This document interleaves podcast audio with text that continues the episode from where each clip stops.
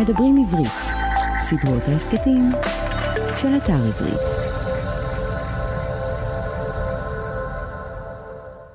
שלום, אני רפי טופז ואתם מאזינים לסדרת ההסכתים כותבים עברית של אתר עברית. סדרה זו היא חלק ממדברים עברית, ערוץ ההסכתים של האתר.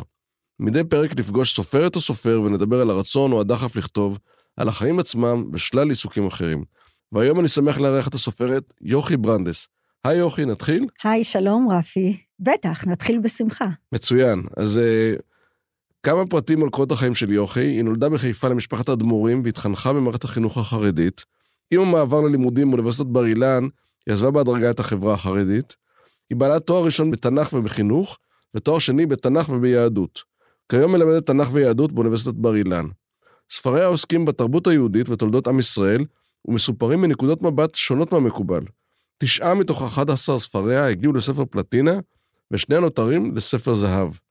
טוב, אז זה היה ממש ממש בקצרה. יופי, כן, זה ואני מאוד שמח לארח אותך, כמו שאמרתי, ואני אשמח שנתחיל לדבר דווקא על עולם הקריאה. כי אוקיי. בעיניי הכתיבה נולדת מתוך נכון, קריאה, נכון. ואני מאוד אשמח לשמוע על, ה, על החוויה שלך, אה, חוויית הקריאה הראשונה שלך והחוויה בכלל. כן, היום כשאני קוראת לנכדיי את המטריה הגדולה של אבא, אני מתרגשת במיוחד, אני אומרת לבנות שלי, זה הספר הראשון שקראתי בעצמי בגיל חמש, חמש וחצי, כשהגעתי לכיתה א'.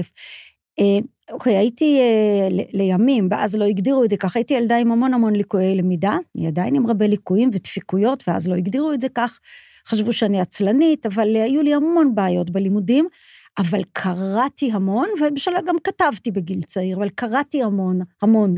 והייתי כל כך חולת קריאה, וכל הזמן קראתי, ובדורי, אה, לא, זה לא נחשב לדבר כל כך טוב לקרוא הרבה, להפך, נזפו בי הרבה, וכשהגעתי לספרייה, היה מותר בספרייה הציבורית לשאול רק עד שלושה ספרים בשבוע, ואסור היה יותר, ואז אני הייתי לפעמים גונבת ספר מהמדף, יושבת על המדרגות, קוראת אותו, מחזירה, ואז שואלת באופן רשמי, וכשתפסו אותי נזפו בי. קשה להאמין היום, מה פתאום, הרי קריאה, זה נחשב, אה, במיוחד הספרים האלה של ילדים, וכל מה שאני אהבתי לקרוא, זה נחשב לבזבוז זמן, ותלמדי במקום זה עוד דברים אחרים. ואת גדלת בחברה החרדית, כן. אז uh, עוד פעם, הקריאה הייתה, זאת אומרת, הספרייה הייתה ספרייה ציבורית רגילה. כן, אני יש- גדלתי בחברה חרדית ליברלית מאוד, היום לא מאמינים, היום יש חרדים שמתחילים, החרדים החדשים וכאלה, אז זה לא היה שום חרדים.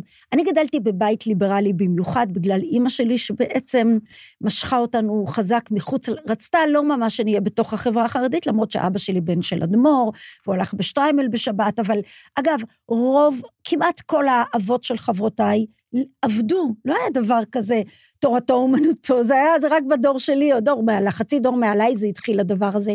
והלכנו, ל- וקראנו ספרים בספרייה הציבורית, וקראנו עיתון יומי, כמו כולם, ואימא שלי אפילו מעת לעת לקחה אותנו לסרטים בקולנוע, שכן, סרטים בלי... אה, גדלתי בפתח תקווה, נולדתי בחיפה, אבל גדלתי בפתח תקווה בבית שרובו היה אנשים חילוניים, ומדי פעם בערבים, בטח ביום העצמאות, אבל גם סתם בערב, הייתי קופצת לשכנים לראות טלוויזיה, לנו לא הייתה טלוויזיה, כי בכל זאת חרדים, אבל העולם מבחוץ נחשפתי אליו, כולל הקריאה של הספרות מבחוץ, בהתחלה ספרי ילדים, ספרי נוער, ואחר כך ספרות בכלל. אצלנו בבית, בספר, הספרייה הייתה מאוד עשירה, אמא שלי גם אהבה לקרוא מאוד, ו, והייתה גם כל ספרות ההשכלה של פעם, ו, ושי עגנון, ושלום עליכם, וזה היה בספרייה הביתית. ו, וזהו, כשרציתי דברים יותר כלילים, הלכתי לספרייה הציבורית. ויש יש ספרים שאת זוכרת אותם, או ספרים או אני- סופרות אני שאת זוכרת בתור חושבת ילדה? שאני אני רוצה לציין סופרת אחת, קודם כל אני מאוד אהבתי, כבר אז, אני עד היום אוהבת ספרי בלש, מאוד אהבתי. אז קראתי כמו כולם את קופיקו, אבל ציפופו אהבתי יותר, כי היה בזה בלש, אהבתי את החמישייה ואת השביעייה, כל הספרים עם בלש משכו את ליבי. כאילו. כן, נכון. אחר כך זה היה אגתה קריסטי, זה היה כבר יותר מאוחר, אבל סופרת שהשפיעה עליי מאוד מאוד מאוד, ובלעתי את כל ספריה, זו הייתה דבורה עומר. כן.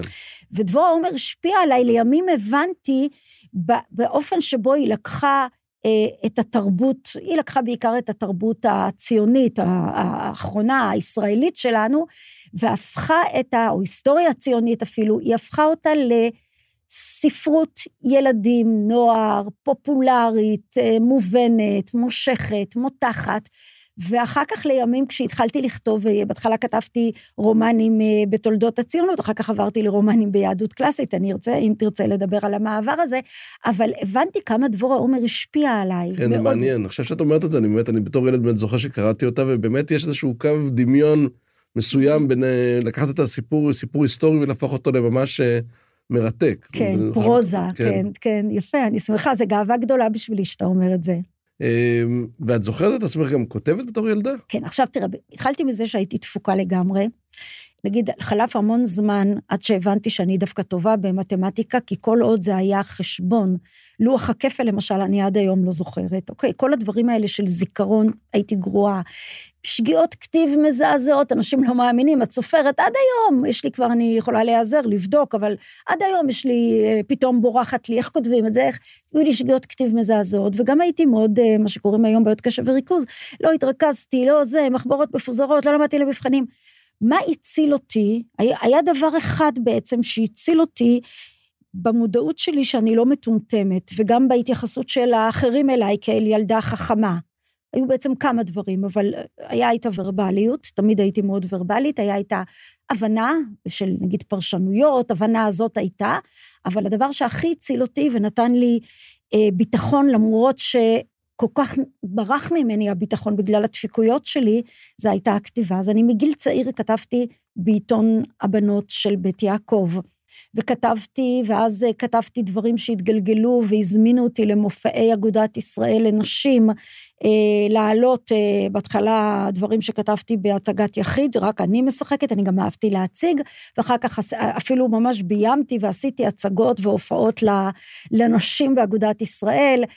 וכתבתי, כתבתי המון, ואז היה לי באותם ימים, אה, כן, אני אהיה סופרת, אני אהיה משוררת, כתבתי גם שירים אז, אבל אה, זהו, כשבגרתי, אני חושבת שבגיל 14-15, כשהבנתי שאני רוצה לצאת מהחברה החרדית ושאני צריכה בשביל זה השכלה, בגרות, טוב, היה אז בגרות, ושאני צריכה להשקיע, כי, כי בכל זאת זה לא הולך לי קל, הכתיבה ירדה לשנים רבות, אני, אני, אני חזרתי, אני לא יודעת אם זה, חזרתי לכתוב רק אחרי למעלה מ-20 שנים, כשכבר הייתי נשואה עם ילדים, מורה הרבה שנים. זהו, אני אספר על זה אחר כך אם תרצה, על המעבר, על החזרה. אגב, בתור ילדה ונערה בחברה החרדית, כמה הפריע לך הנושא הזה של הפרדה בין... אה, לא, לא הפריע לי בכלל, גם לא הייתה כל כך הפרדה, בטח לא בנסיעות. נסענו ביחד לטיולים, היינו אפילו יחד בים, אתה יודע, כשלא היו הרבה אנשים, היינו ביחד בים, זה לא הפריע כל כך להורים שלי. הולכים, זה, מתרחצים, אז מעורב, לא, לא כל הדברים האלה, שנראה שהם טריוויאליים לחברה החרדית, באמת לא היו אז. אה, הייתה הפרדה כמובן, טוב, בבית הכנסת, והייתה הפרדה ב, בהופעות. נגיד, היה, היו הופעות רק של בנים, פרחי למשל, שמאוד אהבתי, מוזיקה, אז אנחנו הבנות ישבנו לחוד והבנים. היום כשאני שומעת, לא תהיה הפרדה, שישבו לחוד, לא מבינה על מה הצעקות, בסדר, אז ישבתי רק עם הבנות. הפרדה בלימודים. כן, היה לי קצת, קראתי כל מיני סיפורים על כמה זה כיף בית ספר עם בנים ובנות, אבל זה היה ממש סבבה להיות רק עם בנות, ולימים כשבגרתי גם הבנתי את היתרונות של זה. ההפרדה לא הייתה... אה, אגרסיבית, נגיד ככה, תוקפנית, כמו היום. כל העניין הזה של דקדוקי ההלכה, שאני לא יודעת מאיפה מוציאים, לא היה אז, ולכן, כן, בסדר, הכל טוב, זה, זה מה שהתרגלתי, וזה היה בסדר. מאז שבגרת, את אומרת שהבנת כבר אה, כנערה שאת רוצה לעזוב את העולם. כילדה. כילדה? כילדה הבנתי את זה, אבל זה לקח זמן. כבר כילדה הבנתי שאני לא רוצה להיות בחברה החרדית, לא בגלל שהיא הייתה רעה ולא בגלל ש... לא בגלל שהרבה איסורים, זה לא זה. אני, אני הייתי מאז ילדותי מאוד שוחרת חופש. חופש, אני אחליט. אני אחליט עכשיו, אני אחליט איך להתלבש, אני אחליט איך להסתרק, אני אחליט מה ללמוד, אני אחליט איך ללמוד, אני אחליט עם מי להתחתן, אני אחליט מתי להתחתן, כל הדברים האלה שככל שבגרתי גם הבנתי שאני, הם לא ניתנים לי כשאני נשארת בחברה החרדית, בטח לא כבת בת אצולה, בת למשפחת אדמו"רים. כמה שהמשפחה שלי הייתה ליברלית, בכל זאת, אני בת למשפחת אדמו"רים, ו... וצריך אה, שידוך עם ייחוס, ויכול להיות מצב אפילו שבעלי יהיה בן של אדמו"ר, ואני אהיה רבצין, כל הדברים האלה, פשוט, אני לא רציתי שיחליטו בשבילי. ואמרת שהתהליך היה הדרגתי, מאוד. והושלם באמת באוניברסיטה רק. אפילו אחרי, אפילו אחרי. זה, תשמע, רפי, האמת, הוא אפילו לא הושלם בבר אילן. בבר אילן עברתי יותר לציונות הדתית, וחיפשתי, אני, בשלב, אני נורא חיפשתי את הזהות שלי בתוך הגוונים של החברה הישראלית. לקח המון המון זמן, שנים, עשרות שנים, עד שאמרתי לעצמי, אוקיי, אין לך הגדרה מסוימת, ואת... אה, ואז את מה שאת וזהו, בלי, בלי תבניות. ואיך המשפחה התייחסה לזה, שבעצם מגיל צעיר ראו עלייך כן, שאת כנראה... ראו. ואיך כן. התייחסו לזה? תראה, קודם כל יש לי אחות גדולה, שגם היא עזבה את החברה החרדית וגם עליה ראו, היא בסוף הגיעה לחברה הדתית. התחתנה עם בחור דתי ונשארה שם, ולכן, אבל כיוון שעברו את זה עם אחותי, דווקא אליי זה היה יותר מפחיד, כי הם נורא נורא פחדו כשהם ראו את זה אצל אחותי. אה, זה ציער אותם. אה, זה, זה, זה, זה, אפילו אימא שלי שהייתה הרבה שנים הכי סממן ליברלי במשפחה והכי, גם הציונות אגב, הייתה מאוד נוכחת והיינו ציונים, ובשלב מסוים החליטה אה, לקחת את אחיותיי הקטנות, היא עשתה את זה גם בהשפעת אחי, שמאוד רצה להיות אדמו"ר, וככה הסית את, רצה להסיט את אבא שלי מהעבודה לכיוון של אדמו"רות. היא לקחה את כל המשפחה, את אחיותיי הקטנות, אני כבר הייתי בוגרת, ואמרה, באים לבני ברק, ואני אחנך אותם לא כמו שיוכבד וציפי התחנכו, וזאת אומרת, זה היה להם מאוד קשה, ואולי ציפי שעשתה את זה אגרסיבי, ואז זהו, אני שעשיתי את זה לאט, לאט, לאט, זה היה להם יותר קשה. הכי קשה הייתה, היו להם הנישואים שלי. באמת? כן, כי האמת היא שגם אני, אני חשבתי שאני אתחתן עם אדם דתי. כן, ליברלי, פתוח, אבל לא היה לי מה שנקרא חילוני.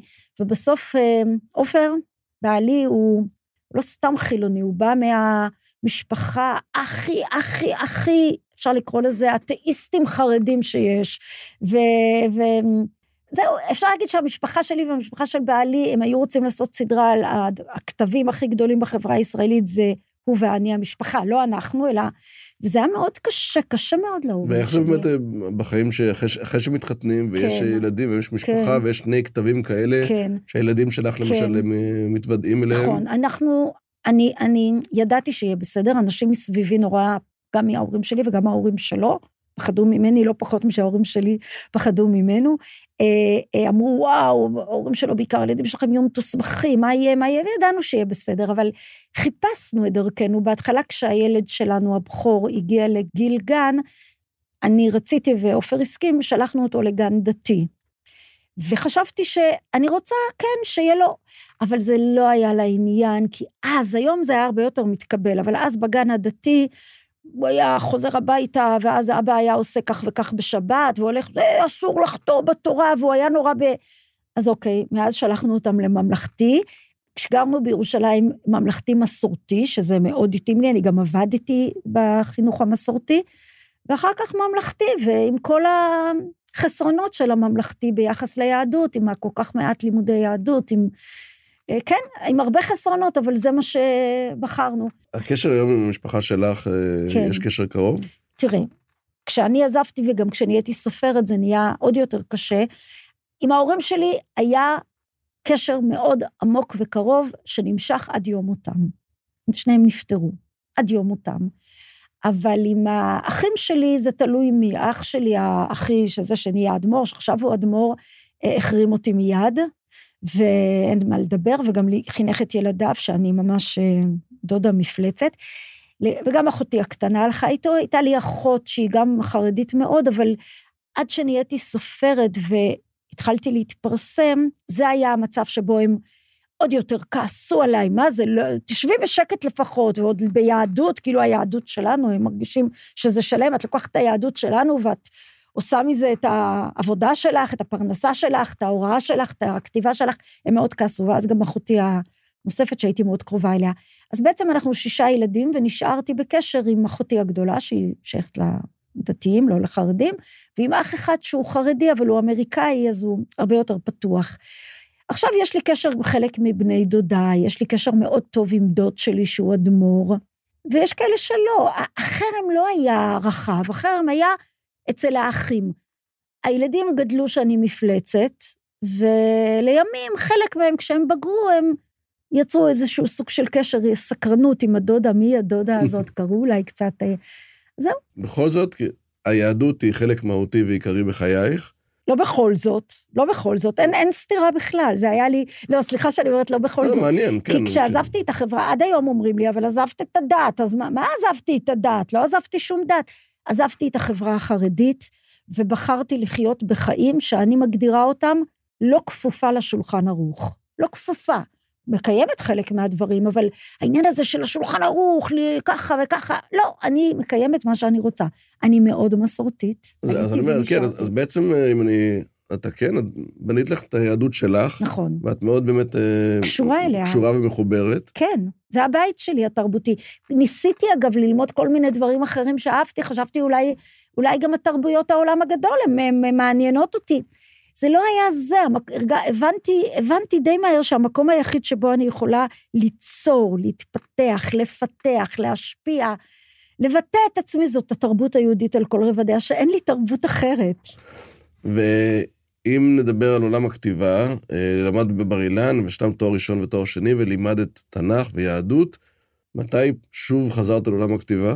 טוב, פרוזה חזרתי רק, כאמור, הייתי כבר בסוף שנות ה-30 שלי, שזה אז נחשב, אני יודעת שאתה התחלת לכתוב בשלב הרבה עוד יותר מאוחר, אבל אז בכלל עד היום זה נחשב לי, בגיל 30 ו... נולדה בתי הקטנה כשהייתי בת 36, הייתה לי מין, כל הזמן היה לי תסכול כזה של, כתבת כל כך יפה, אנשים כל כך העריכו את הכתיבה שלך. עכשיו, כתבתי בעיתונות, כתבתי תוכניות לימודים, כתבתי, אבל לא כתיבת פרוזה, ומה יהיה עם זה? ואז אמרתי לעצמי, זה שהיית כל כך מוכשרת בילדותך ונעורייך בכתיבה, זה לא אומר כלום, זהו, זה עבר לך. וכל פעם כשהייתי קוראת ספר, אני הייתי מקנאה אפילו בספר טוב, גם אני יכולה, ואז שאלתי את עצמי, את באמת יכולה? בסדר, אז... ואז ממש נולדה בתי הקטנה, ואני אדם נורא משימתי. דווקא בגלל שאני כל כך אה, עם בעיות בריכוז ודברים, אני מאוד משימתית. ואז אמרתי לעצמי, זהו, את, את, את רצית לעזוב את החברה החרדית, עזבת, רצית לעשות בגרות ולרכוש השכלה אקדמית, רכשת, רצית להקים משפחה, הקמת, רצית ללדת ארבעה ילדים, ילדת, יש לך. עכשיו את, עכשיו את יכולה להרשות לעצמך להסתכל, להיות מורה, להתפרנס, תמיד התפרנסתי מגיל 20, לנסות אולי בכל זאת לבדוק משהו אם נשארה, לה, אם נשאר לך כישרון בכתיבה. זה היה פשוט, לא היה צורך פנימי שלי לכתוב, זה היה לבדוק אם אני עדיין מוכשרת בזה, ואז כתבתי כמה סיפורים קטנים, הראיתי גם רק לחברותיי ולבני ביתי, ואחד הסיפורים, חברה שלי העבירה, התגלגל לחיים באר, ואז חיים באר זימן אותי אליו ואמר לי, תקשיבי, ואת... ואת נורא, נורא עודד אותי לכתוב, ואז כתבתי נובלה, לא ידעתי להגדיר אותה אז כנובלה, כתבתי סיפור יותר ארוך מסיפור קצר, אבל לא כמו רומן. ושוב, חברה אחרת, אה, זה התגלגל והגיע לתחרות של ידיעות, ו... ו בספרייה החדשה זה התגלגל ליהודית קציר, כאילו שני מנטורים היו לי, חיים באר כן. ויהודית קציר, ויהודית קציר העבירה את זה למנחם פרי, שהתקשר אליי ואמר, עכשיו, עכשיו, עכשיו אני מוציא לך את הספר האלה. ימים הבנתי כמה זה נדיר. זהו, והספר נורא הצליח, הוא מיד נהיה רב-מכר, ודברים אחרים שניסיתי לעשות בחיי, אני למודת כישלונות. ודברים אחרים רבים שניסיתי לעשות בחיי לא הצלחתי, זה לא... ופתאום כאן אני, אני אדם מאמין באופן אה, כזה, אחר, והרגשתי כאילו יד אומרת לי מלמעלה, הנה זה, זה המקום שלך, הנה, תראי כמה בזה... הספר מיד, זהו, ואז, ואז זהו. ואז התחלת לכתוב, כן. והבחירה באמת בנושאים של הספרים, ואת אומרת, באמת היה איזשהו מעבר, נדבר כן, עליו אולי תכף, אבל התחלת באמת עם אה, אירועים היסטוריים בתולדות הציונות. נכון. איך החלטת על, על זה? זאת אומרת, איך בחרת? תראה, אני מאוד היה ברור לי מהרגע הראשון שאני רוצה לכתוב ביהדות. אפילו הייתי אומרת לעצמי, אני רוצה להפוך את היהדות העמוקה, המורכבת, המסובכת, הלא מוכרת, ידעתי, כן, הייתי כבר מורה, כתבתי תוכניות לימודים, לא מוכרת על ידי רוב החברה הישראלית. אני רוצה להפוך אותה לפרוזה קולחת, מותחת, מעניינת, אה, פופולרית, הכי שאפשר. אבל בספרים הראשונים לא העזתי לכתוב על היהדות הקלאסית, כי, כי אני ידעתי, הכרתי את עצמי איך אני מלמדת, ואני תמיד, נדבר גם על זה, חושפת נקודות מבט אחרות, יש כאלה שאומרים חתרניות, לא מוכרות, מטלטלות. אין אצלי, אני מראה את איך, איך היהדות לדורותיה לא היו אצל הקדושים ולא אין אצל הקדושים. והיה לי מאוד קשה להחליט לכתוב רומנים על גדולי האומה שלנו, ולהציג את הצדדים שידעתי שאני אציג לימים, אני יכולה להגיד, כי זה כבר בספרים שלי אחר כך. אמרתי לעצמי, מה, אני אראה את הרצחנות של דוד המלך? היה לו גם את זה, היו לו דברים אחרים הכי ענקיים, גם את זה. אני אראה את הריבוי הנשים של רבי עקיבא? נכון, רבי עקיבא הגדול, הקדוש, אני אראה את החטאים והנפילות של הבעל שם טוב, אגב, כל מה שלימים הראיתי, אני אראה את הבעיות הנפשיות של מרים הנביאה? לא. וכשאני מלמדת, אז אני יודעת שיש לי את ההזדמנות תמיד לדבר, ואז, אבל בספר זהו, לא העזתי. אז בחרתי בציונות, למה? כי גם הציונות היא יהדות, אבל היא לא קדושה, היא לא הירואית, אף אחד לא יזדעזע אם אני אראה צדדים בבן גוריון וצדדים אחרים לא טובים בהרצל, ואראה את, את הבעיות שהיו לנו, אז זהו, אז כתבתי את הספרים הראשונים בתולדות הציונות. זה היה בעצם סוג של פעולת הכנה, מבוא בעצם כן, לצלילה לדברים נכון, הכבדים באמת. נכון, ממש. רק אחרי חמישה רומנים בתולדות הציונות, שאגב, אני אוהבת מאוד את הספרים שלי. אתה אומר הכנה, זה נכון. אני מאוד אוהבת את חמשת הספרים הראשונים שלי, וממש אוהבת, הם ילדיי. אבל אני יודעת שאני, יותר מתאים לי ויותר נכון לי ויותר טוב לי לכתוב מה שהתחלתי בספר השישי, מלכים ג' והלאה. רק אז חטפתי אומץ, כי בכל אחד מספריי הציונים הכנסתי גם יהדות קלאסית, נגיד בהגר, על מלחמת השחרור, הכנסתי גם רבדים על אברהם אבינו ושרה והגר, וכל פעם העזתי יותר, ואז זהו, מאז, מאז ועד היום, כולל עכשיו, כשאני כותבת את ספרי ה-12, אני, מה שמתאים לי, מה שנכון לי, זה להפוך את התרבות היהודית לפרוזה. אז בעצם מלכים ג' היה סוג של קו פרשת מים. נכון. ו, ובחירת בכלל, בחירת הנושאים, גם בספרים הראשונים, איך בעצם מתהווה ו... כן. אני, אני מתחילה, לנושא. נכון, אני האמת היא מתחילה פחות מהדמויות, לפעמים מהדמויות, בדרך כלל אני מתחילה מאיזושהי מהפכה, אני מאוד אוהבת מהפכות. אני מתחילה מאיזושהי מהפכה ביהדות או מהפכה בציונות, אז הספרים הציוניים שלי היו לא סתם על מלחמת השחרור ועל uh, הקמת גוש אמונים, ועל, אה, שהייתי גם אה, בשלבים הראשונים שלו, הייתי חלק ממנו, עברתי אחר כך העלייה הראשונה, ועלייה, הקמת, ואחר כך אני בחרתי בהקמת ממלכת ישראל, פילוג הממלכה, תחילת החסידות, אה, התורה שבעל פה, זאת אומרת, אני כל פעם בוחרת נושא, אני מתחילה בנושא, נושא שיצר מהפכה ביהדות. אחרי שאני בוחרת את הנושא, אני לוקחת לי זמן, וקוראת עליו יותר. כמה שאני מכירה, אני צריכה לקרוא, ללמוד, ובוחרת ו- ומוצאת מה הסיפור, או לפחות מה הדמויות, מי הן הדמויות שאני רוצה לכתוב עליהן, מי הוא הגיבור הראשי, מי הם דמויות המשנה, דמויות, ואני ממקדת את הסיפור. עכשיו, אה, זה נורא קשה, כי בדרך כלל אני קוראת כל כך הרבה מקורות על, על, אותה, על אותה מהפכה, ואני צריכה מתוך זה להתמקד במשהו אחד, אני לא יכולה, נגיד, כתב הספר הפרדס של עקיבא על חז"ל. יש לנו 2,400 חז"לים, יש לנו 600 שנים של מהפכה שיצרה את התורה שבעל פה. אני התמקדתי ברבי עקיבא ובחברה ובאשתו, ו, ובשנים של דורי יבנה, שזה שנים מאוד מסוימות, אני מרצה על זה מחר בקיבוץ צאלים, במקרה. אז, אז אני צריכה נורא להתמקד, וזהו, ואז אני בוחרת מתוך הסיפורים שאני קוראת. אגב, מאז ועד היום, לא אכפת לי מה היה באמת. אני לא היסטוריונית ולא ארכיאולוגית ולא חוקרת. אני, כל מה שהיהדות, כל מה, שה, מה שנקרא ארון הספרים היהודי מספר, בשבילי זה היהדות, ולא אכפת לי אם זה, אם זה היה או לא היה, וזה נוצר כך או אחרת, זה לא העסק שלי. בשבילי, אני כותבת על משה רבנו ועל רבי עקיבא ועל הבעל שם טוב, אוספת את הסיפורים ויוצרת את הסינופסיס. ואז, ואז אם את אומרת, ואת אומרת, מעידה על עצמך שאת בעצם סופרת אידיאולוגית, בניגוד למה שכולם מנסים לפעמים לברוח מזה ולהגיד כן, שהם... כן, מגמתית הייתי אומרת יותר, כן. אז זה אומר שאת לוקחת איזשהו מורה היסטורי שרובנו מכירים אותו, אם לא כולנו, והרעיון שלך לספר את הסיפור הזה כדי להביא את אותה נקודת מבט או נקודות מבט שונות. כן. ובמקום מסוים להדהד להיום, נכון? נכון. כשאת מספרת נכון. סיפור של פעם... את ישר את הרלוונטיות להיום, ורוצה להגיד משהו על חיינו היום, על איך אנחנו מסתכלים על דברים היום. אני אומרת שאני סופרת מגמתית, קודם כל בגלל שאני גם כמורה וגם כסופרת, אגב, מורה זה מאוד חלק מהזהות שלי, אני כל הזמן, אני מורה וסופרת. אז גם כמורה וגם כסופרת, תמיד חשוב לי להציג נקודות מבט אחרות ולא מוכרות, ואני רוצה לזעזע את הקוראים ואת התלמידים, אני רוצה שיקראו אותי, לא רוצה שיקראו אותי, סליחה, אני לוקחת עכשיו את הספר ליד, אז אולי יהיה קצת רעש, לא רוצה שיקראו אותי, וואו, איזה יופי, כמה יהדות נהדרת, איזה דברים, איזה יהדות אנחנו, איזה עם... לא, אני רוצה שיקראו אותי, מה? באמת? היא המציאה את זה, זה לא יכול להיות. אז, אז קודם כל אני מאוד מאמינה בשבעים פנים לתורה באמת, ואני רוצה לפתוח את נקודות המבט. אני רוצה להראות כמה היהדות רלוונטית לחיינו, בניגוד למה שהרבה חושבים.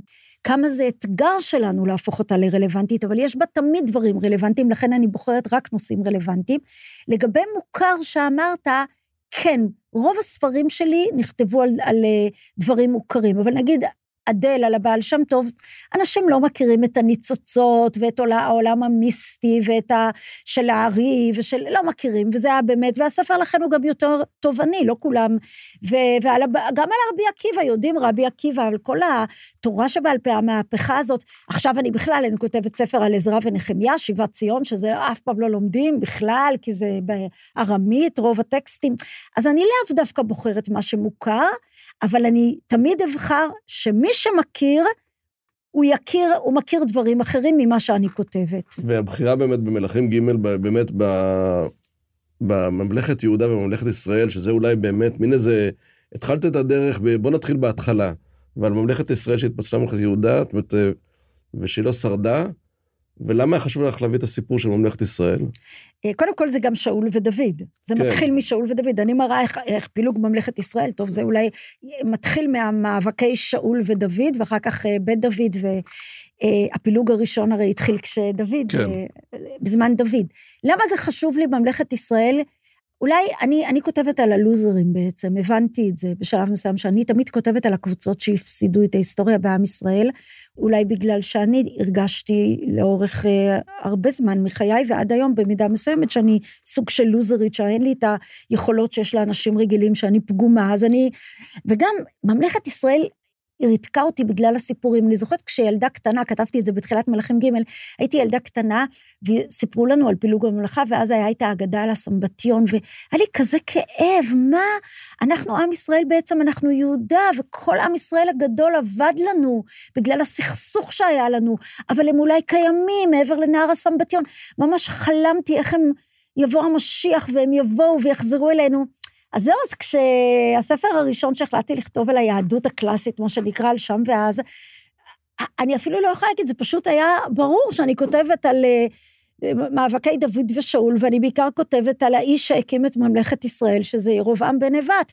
ובגלל שידעתי ששונאים אותו, הקוראים כולם, כי התנ"ך שונא אותו, החבאתי את שמו בהתחלה. לא גיליתי שזה ירובעם, כי פחדתי, החבאתי אותו.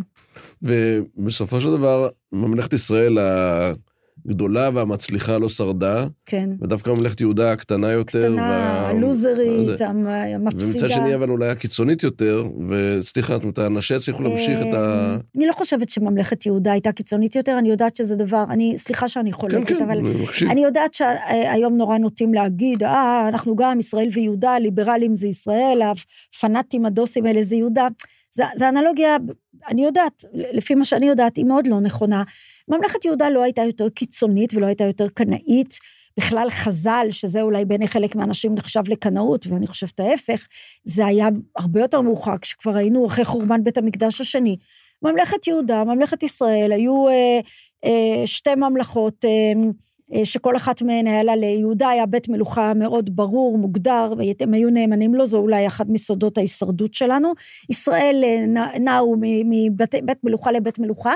נכון שהפולחן בממלכת ישראל בחלק מהזמן היה יותר פתוח. יותר. היו, היו סוגים שונים, היה, היו בתי מקדש שונים, אבל גם על זה נביאי ישראל, נביאי ממלכת ישראל אז יצאו וצעקו לו.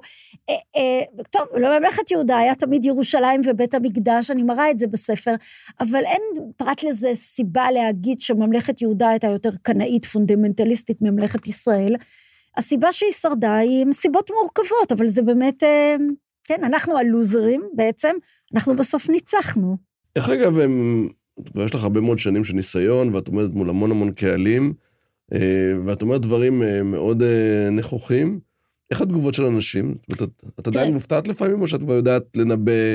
אוקיי, קודם כל, מי שבא להרצאות שלי, הוא אוהד שלי, ולכן אני לא, אני, אני בדרך כלל, אה, זה היה מאוד מעט שאחד מהקהל הגיע וקם וצעק, וההפתעה היא הפתעה, אבל הם באים מתוך סקרנות, מתוך היכרות, גם מי שקורא אותי בדרך כלל לא עד שלי. עכשיו, אם הייתי ברשתות החברתיות, ואני לא, מכל מיני סיבות, אבל אני צריכה את השקט שלי, אחרת אני הולכת לאיבוד, אם הייתי ברשתות החברתיות, סביר להניח, וככה הייתי בעבר רואה, שהייתי קוראת גם קללות ונאצות וגידופים ודברים איומים ונוראים, אבל כיוון שאני לא, האמת היא שהסטודנטים שלי, הצעירים, זה המבחן, כי הסטודנטים שלי הצעירים, נכון, הם באים ללמוד אצלי, אבל זה לא ש...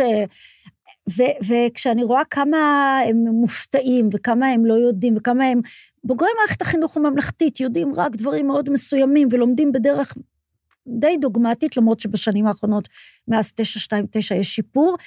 כמה הם מופתעים, כמה הם לא מאמינים, כמה הם משתגעים כשהם נתקלים במקורות האלה. אז כן, זה, זה הדבר ש... אבל לא זעם, כעס, אלימות, מכתבי נאצה, קללות, זה היה יותר בעבר, איומים, אני לא נתקלת בזה. איך את מסתכלת, אגב, על מה שקורה היום? זאת אומרת, מרגישה שיש דווקא... דיברת קודם על העניין של החרדים החדשים. כן. את רואה היום דווקא אה, שינויים גם כאלה, גם של חרדים חדשים, כן. וגם אה, פתיחות גדולה יותר שמה, כן, או ש...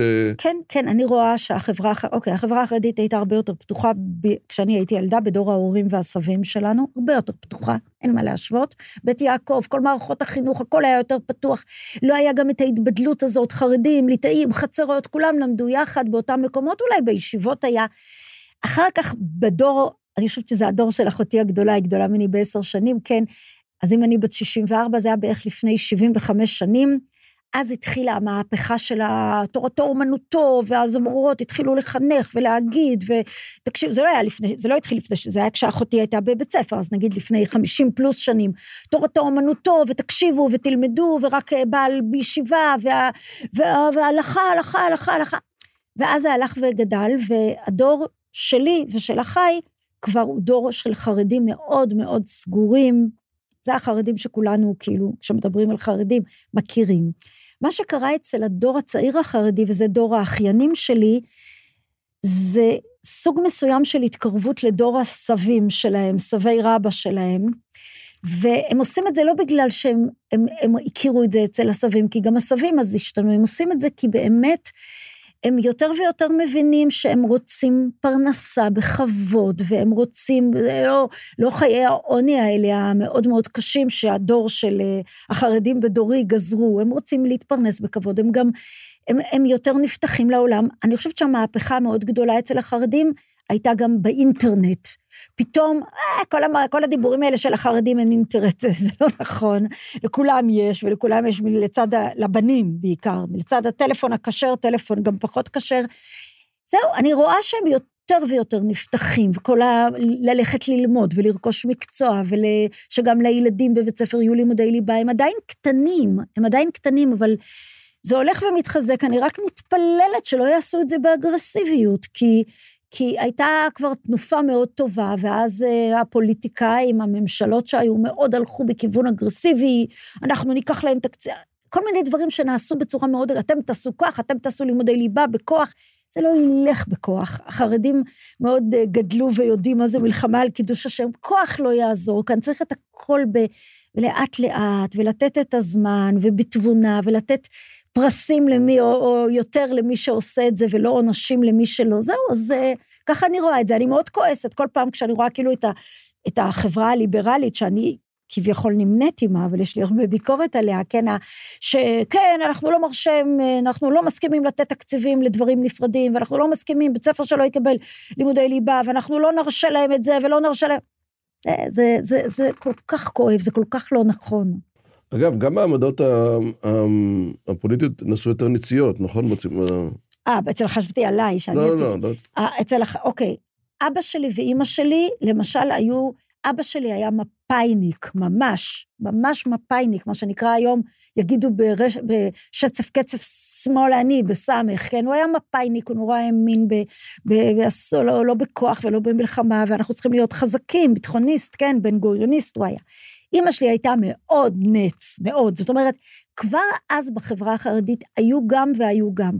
מה שקורה עם השנים, וזה מאוד הלך והתחזק, והיום זה מאוד חזק, שהניציות, ככל שדווקא החברה החרדית יותר, אהדתה למדינת ישראל הלכה וגברה, אחרי הדור של האחים שלי, שכאילו היו אנטי-ציונים וזה, האהדה של הצעירים יותר ויותר, אז זה גם, זה גם נהיה אה, לצד ניציות מאוד גדולה, וכן, אני, אני רואה גם בסקרים וגם אני שומעת מהבני דודים והבנים שלהם, מהבנות, שהיום אה, החברה החרדית אה, היא בסך הכל החברה הכי ניצית במדינת ישראל. ואם נחזור היא. והחרד"לים. אם נחזור רגע לכתיבה. כן. אה, ומעניין אותי, יש... קודם כל יש עוד פן אחד מאוד משמעותי ומאוד חשוב בכתיבה שלך, וזה ה- אה, המקום והמעמד שאת נותנת אה, לנשים. לנשים והעצמה שלהן, כן. והמעמד שלהן גם אה, בתנ"ך. בתנ"ך, ביהדות, לא רק כן. בתנ"ך, בכל הרבדים. ביהדות, וזה זה מאוד חשוב לך, נכון? זה... תשמע, אני, אחד הדברים שהיו לי קשים, אמרתי, היהדות היא הבית שלי, זה הבית שלי, זה הבית שלי, זה מה שאני מכירה. אבל זה לא שאני אוהבת הכל.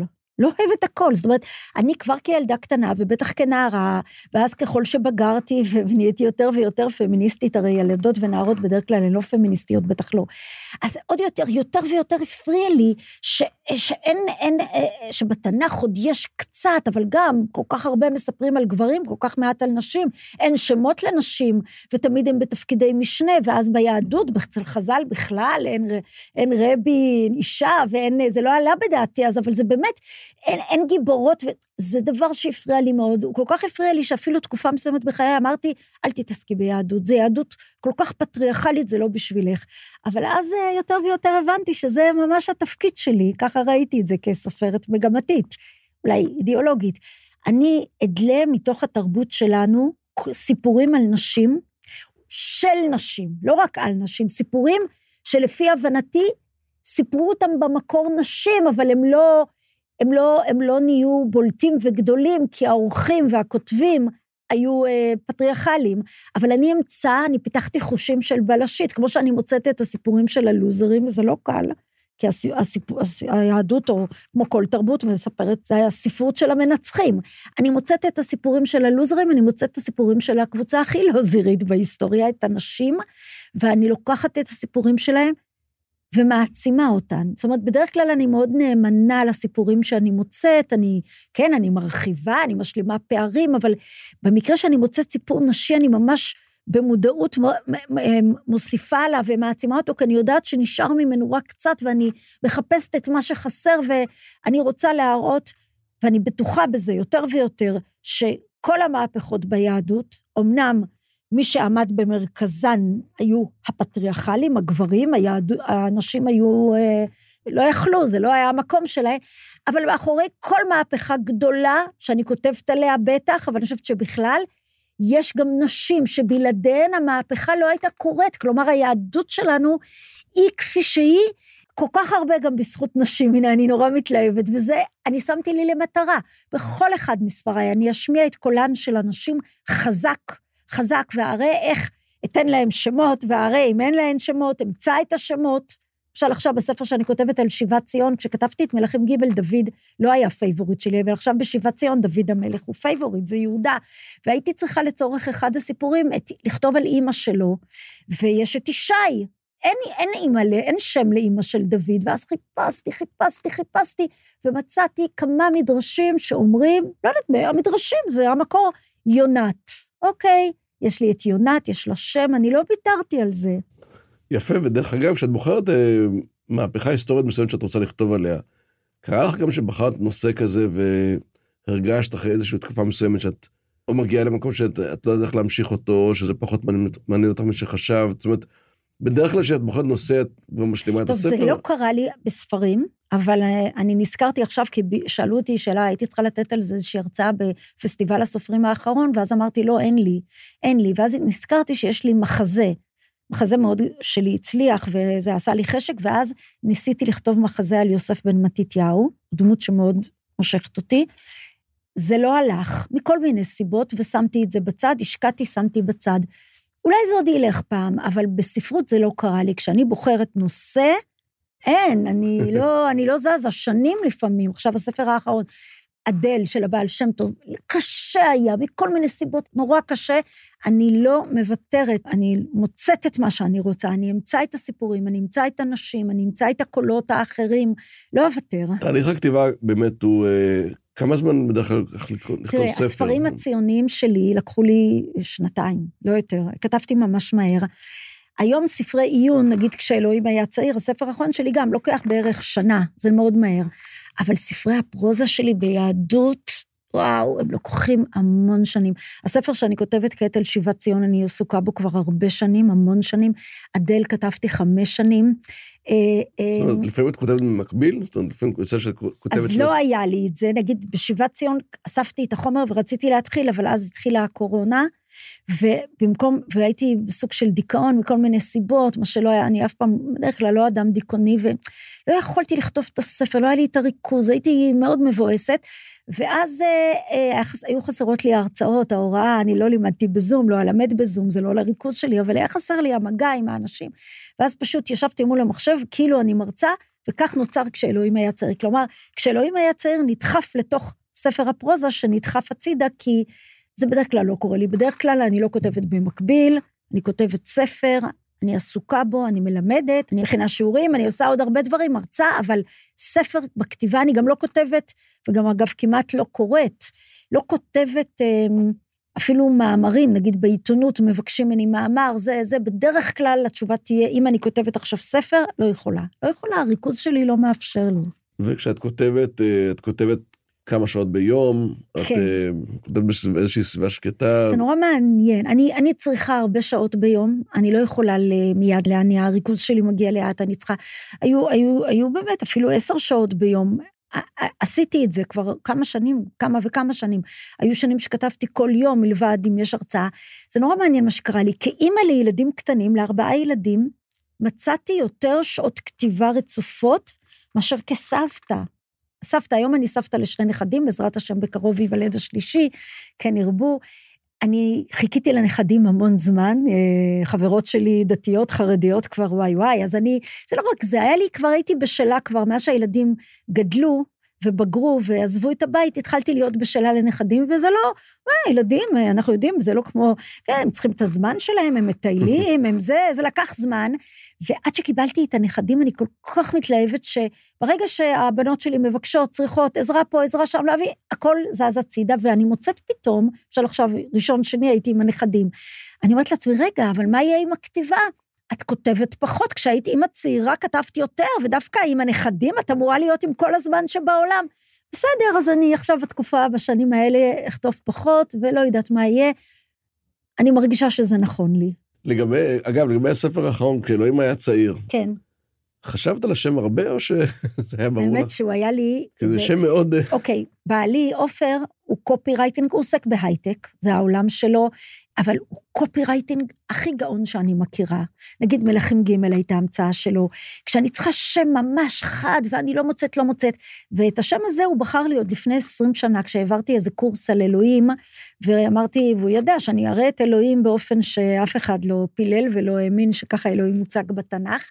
ואז אה, הוא פתאום זרק את השם כשאלוהים היה צעיר, וזהו, והשם הזה אז עצבן כמה סטודנטים, עד כדי כך שחלק מהם לא רצו לבוא לקורס, וזה עמד לי במגירה, השם הזה, וכשכתבתי ספר על אלוהים, בתקופת הקורונה התאים לי, גם כי נורא כעסתי על אלוהים, גם היה לנו, אני לא יודעת איך אתה חווית את זה, אני, זה גם הייתה בדיוק, אז הילדים לא באו, לא ביקרו, היינו פתאום כמה חודשים, לקחנו את זה ברצינות עד שראינו את, את ראש הממשלה ואת הנשיא חוגגים את ליל הסדר כמו שאנחנו לא העזנו, לקחנו את זה ברצינות, אז באמת התבודדנו, והיה לי מאוד קשה, ולא היו הרצאות, וכעסתי, וגם הייתה תחושה שאולי אמ, זה הסוף. מי יודע? כן, ממש הרגשתי תיבת נוח, אנחנו בתוך הזה, מי יודע לאיזה אם יהיה עולם כשנצא.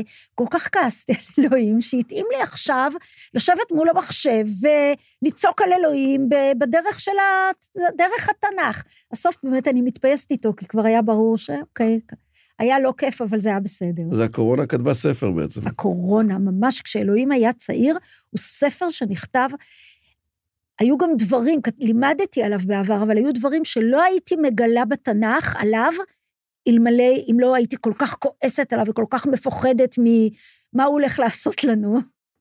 אה, נעבור לשאלון קצר. טוב, אה, בוקר או ערב? אה, בוקר.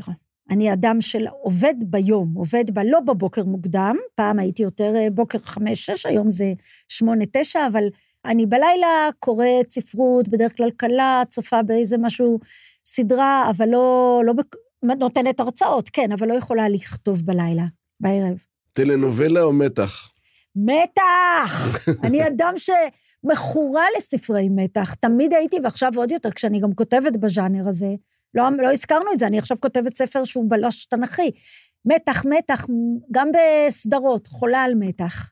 בלש תנכי זה מעניין, כן. תוכל להגיד לנו איזה משהו על זה? כן, אני אשמח. אני מאוד אוהבת לאתגר את עצמי, ודברים שעשיתי כבר, עשיתי, עשיתי. יודע, עכשיו תשים משהו אחר, אז פשוט הרגשתי שאני רוצה לכתוב, כמובן ביהדות, בתנ"ך, אבל, וחשבתי על שיבת ציון, שזה נושא לא מוכר ומאוד רלוונטי, וחשבתי על רות המואביה, ספר שנכתב על ידי אישה, ואיך הוא נכתב, ואיך הוא נכנס לתנ"ך, זה תעלומה. ואז שילבתי את זה, זה מתאים. תקופת שיבת ציון זו תקופה שבה נכתב ספר רות כנראה, לפחות זה מה שאני הולכת לפיו, ו- והחלטתי לכתוב רומן בלשי, ממש, בז'אנר של בלש, זאת אומרת, גופות, אה, כן, אפילו משטרה יש, אבל... אה, והבלשית שלי, שהיא הולכת לחקור את הרציחות, והולכת גם לחקור איך, אה, מי, מי כאן כותבת את הספר הנורא הזה של נגד נשים נוחיות. זהו, וככה אני עובדת, זה נורא קשה לי. מתי את מתכננת להוציא אותו לאור? אני חשבתי שהוא יצא קודם, אבל um, עכשיו אמרתי לך, אני כותבת פחות מהר מפעם, וגם הז'אנר מאתגר אותי, ועשיתי הפסקה עם אה, כשאלוהים. אני מתפללת ומייחלת שבעזרת השם בשנה הבאה, עוד שנה בערך הוא יסתיים, אני לא מבטיחה. טוב, בהצלחה בכל מקרה. תודה, תודה. ג'אנק פוד או גורמה? אה, בטח שג'אנק פוד, פי אלף יותר. אני גם לא אוהבת, אה, בדיוק עכשיו הייתי עם עופר, חגגנו שוב יום נישואים, לא אוהבת מס, מסעדות שמשלמים עליהם הון עתק, ו, ואני יכולה להרשות לעצמי, בטח מעת לעת לשלם סכומים כאלה, אבל אני פחות נהנית, לעומת זאת אוכל, או ג'אנק, או יכול להיות אוכל בריא, אבל כזה פשוט, מהיר, הרבה יותר. פריז או רומא? אני לא אדם של חו"ל. לא באמת? אדם של חו"ל, לא. אני נוסעת מעט מאוד, ובעיקר בשבילי טיולים זה... טוב, אני נורא, את יודעת, נורא מבודדת, אני נורא ישראלית, נורא יהודית, זה דווקא לא אמור לה, אני נורא שפות, בכלל לא אנגלית, איפה, משהו כזה בסיסי. אה, אבל אני חושבת שרומא יותר, כי הייתי בה כמה פעמים, והרבה יותר, אה, ואני מצאתי, התלהבתי מאוד מה- מההיבטים ההיסטוריים שכל כך קרובים אלינו, יהודים. מוסיקה או שקט? האמת ששקט. אה, אני אוהבת מוזיקה, אבל אני מאזינה מעט מאוד, בעיקר כשאני נוסעת, ומאז שיש פודקאסטים אפילו כשאני נוהגת, פעם הייתי רק מוזיקה היום. אה, אז אני שומעת מוזיקה כשאני מבשלת, וגם, אני, אני, ולכתוב, רק שקט, ולחשוב, רק שקט, ולחלום, כמו שהילדים קוראים להתנתקויות האלה שלי, בטח שקט. או מקלדת? רק מקלדת. לא הייתי סופרת אל, אלמלא, תראה, בגלל שאני כל כך לקויה, וכל כך, יש לי גם כתב מזעזע שהלך ונהיה עוד יותר, ואני בעצמי לא מבינה את הכתב, ואני צריכה גם, אני לא כותבת, אני מוחקת. אני בעצם, על כל משפט שיש בספר שלי, היו מאה ורסיות. אני לא טועה, אני לא מגזימה, שמחקתי, מחקתי, מחקתי, אני צריכה לכתוב, להסתכל, למחוק, לכתוב. איך יכולתי לעשות את זה בעט? אני מקנאה בסופרים שרק מקלדת. קר או חם? אה, קר ממש שונאת, הכי שונאת שקר לי, אה, ומתה על הקיץ, כולל הטמפרטורות הכי גבוהות, אני פורחת בקיץ. מטרה או דרך? אה, נורא קשה לי לענות על זה, כי אני אדם של מטרות, אני מסמנת מטרה. זהו, אני חושבת שמטרה, למרות שאני גם נהנית מהדרך, אבל לפעמים דרך היא גם דבר מייסר, היא מלמדת, היא, היא, אני משתנה עם כל דרך, ואני אוהבת להשתנות, אבל אני, מה שחשוב לי זה המטרה. האם תעדיפי תמיד להקדים בשעה או לעולם לאחר ב-20 דקות? תמיד להקדים בשעה, וזה שאיחרתי היום בשתי דקות זה בגלל שבאמת, אה, זה, אני כבר לא יכולה להגיד את זה. פעם הייתי מקדימנית אובססיבית. הזמני היה בידי, עוד כילדה הייתי תמיד מגיעה, מחכה למטה, אבל היום עם ה-Waze שכל כך טועה, ועם הפקקים שהם בלתי צפויים, אני כבר לא יכולה להגיד, כי קורה שאני גם מאחרת. טוב, אז תודה רבה, והיה מרתק, ושמחתי מאוד לארח אותך. מאוד שמחתי להיות כאן, ותודה רבה לך, וזהו, אני אמרתי לך עוד קודם, אני מאוד אוהבת, אה, אני מדברת המון מהר ומתמקדת במשהו, אני מאוד אוהבת אבל לשוחח, ודווקא סקרנת אותי ורציתי שזאת תהיה שיחה, אבל זה אופי התוכנית, והלכתי על זה. האזנתם לכותבים עברית, סדרת ראיונות עם סופרות וסופרים במסגרת ערוץ ההסכתים של אתר עברית. באתר עברית תוכלו למצוא אלפי ספרים בכל הפורמטים, דיגיטליים, קוליים ומודפסים, וגם, כמובן, את הספרים של יוכי ברנדס. להתראות בפרק הבא. האזנתם לדברים עברית, סדרות ההסכתים מבית אתר עברית, חנות הספרים הדיגיטליים, מודפסים והקוליים הגדולה בישראל. ספר זה וספרים נוספים מחכים לכם באתר עברית.